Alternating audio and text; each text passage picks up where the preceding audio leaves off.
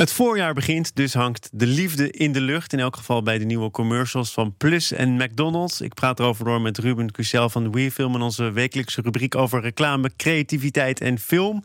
Goedemiddag, Ruben. Goedemiddag. Nou, ze hebben nog net niet dezelfde acteurs gebruikt... maar voor de rest kijk je wel twee keer naar hetzelfde, toch? Ja, het, het lijkt heel erg op elkaar inderdaad. het zijn twee... Uh, het zijn twee uh, korte verhaaltjes van, uh, van iemand die nou, bij de ene commercial in de Plus supermarkt en bij de andere commercial op de parkeerplaats van de McDonald's bij de McDrive. Ze zijn daar alleen. Uh, nou, hebben heel veel behoefte aan, uh, aan, uh, aan iemand en uh, ontmoeten daar natuurlijk de prins op het witte paard. Ehm, maar inderdaad heel erg op dezelfde manier, op dezelfde manier opgebouwd. Hè? Dus het begint heel erg, nou, je bent, je bent alleen, je, je ziet iemand een paar keer er groeit iets. Je, wordt steeds, uh, je hebt steeds meer zin in dat moment in de Plus supermarkt of bij de McDonald's. en dan op het moment dat je je helemaal klaarmaakt en je denkt: oké, nu ga ik diegene aanspreken. Dan, uh, dan is hij er niet. En dan is er een soort plot twist dat hij er dan toch is. Uh, en dan eindigt het met een happy end. Laten we daar even kort naar gaan luisteren. In het eerste geval McDonald's. I'm so in love with you.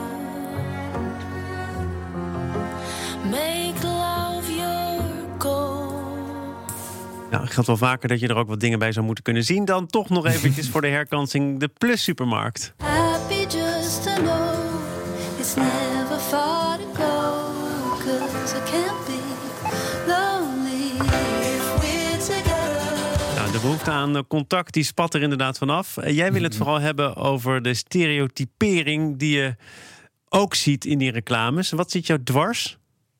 Nou, um, wat, je, wat je ziet, hè, de, films zijn allebei hartstikke mooi, hartstikke mooi gemaakt. Alleen, uh, nou, wat, je, wat je veel hoort en wat je ziet, is dat er uh, inderdaad best wel heel erg gebruik gemaakt van een soort van stereotype beeldverhaal. Hè. Dus uh, je, hebt, uh, dat is overigens een heel mooi rapport, dus uh, dat kunnen we volgens mij wel een linkje op de site zetten.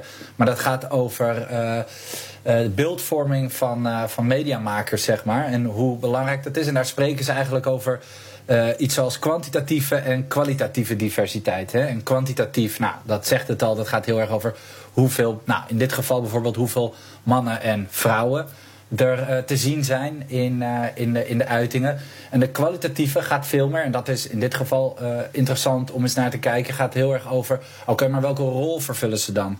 En in hoeverre is dat een rol die ja, heel erg stereotypes versterkt of juist daaruit breekt? Nou, en als je dan hier kijkt, ehm, dan zie je dat het, nou, het, het onzekere, de onzekere persoon die als het ware gered moet worden dat, dat is de vrouw.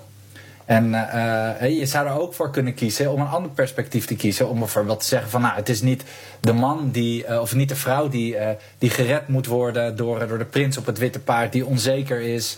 Um, en die, nou ja, die, wel, die wel een boost kan gebruiken. Nee, het is misschien wel de, de man die zich eenzaam voelt en die kwetsbaar is. Maar, en zo zijn er nog een aantal voorbeelden waarvan je denkt van ja, hè, moet per se. Uh, het meisje dat onzeker is, moet dat per se een net wat gezetter meisje zijn in een, in een klein autootje uh, dat, heel, dat heel zielig is? Of zou dat ook anders uh, kunnen? Ja, maar zou, dat... zou je er voor een deel dus al zijn als je de rollen om zou draaien? Dus de man die gered moet worden door de vrouw, dan krijg je nog steeds de boodschap van de behoefte van contact. Maar dan ben je ja. weg van die stereotypering. Ja, ik denk dat daar een belangrijke rol zit. En dat, dat, ik denk dat dat een, een, een, een belangrijke oproep ook wel is aan ons aan allemaal als, als beeldmakers. Zowel de merken als, als, als de creatieven. Is dat we daar inderdaad iets bewuster van moeten zijn. Dat we ook een bepaald beeld in stand houden. En dat we dus ook de verantwoordelijkheid hebben om daar af en toe uit te breken. En inderdaad te kijken van hé, hey, oké, we hebben dit verhaal. Maar uh, zouden we het niet eens helemaal om moeten keren? Ik denk dat dat heel goed is, ja. Klopt het dat het in Nederland eigenlijk, eh, als je het ook in internationaal perspectief bekijkt, uh, nog maar zeer zelden lukt? Nou ja, in dat, in dat rapport, uh, wat ik net aanhaalde, daar zie je inderdaad wel dat, dat Nederland daar grappig genoeg toch wat conservatiever in, in is. ze hebben een Europese onderzoek bijvoorbeeld gedaan waarin je dan ziet dat in bepaalde uitingen 25% vrouwen uh, een, een, een, een, een, rol, een specialistenrol hebben. versus 15% in Nederland. En daar gaat het dan om. Hè, dat op het moment dat jij. ze hebben ook helemaal onderzocht. Op het moment dat jij een, een specialist in beeld brengt. Bijvoorbeeld een dokter, ik zeg maar wat. Dan, worden, dan zijn het over het algemeen mannen. En ik denk dat dat heel belangrijk is om daar heel kritisch op te zijn en heel goed naar te kijken. En altijd een soort check te doen van hé, hey, uh, uh, houden, we in, houden we dat stereotype beeld, houden we dat in stand? Of kunnen we dat juist doorbreken door de, ronde is, uh, de rol is helemaal om te keren? En wat op zich heel interessant is, is dat Shonda Rhimes, een begenadigde scenarist, onder andere van Grey's Anatomy, ehm, wat, die, wat die doet, is als zij helemaal klaar is, en dat is eigenlijk een hele goede oefening, is oké, dan gaat ze nog één keer bekijken wat ze heeft geschreven, maar dan draait ze alle rollen tot in een extreme om.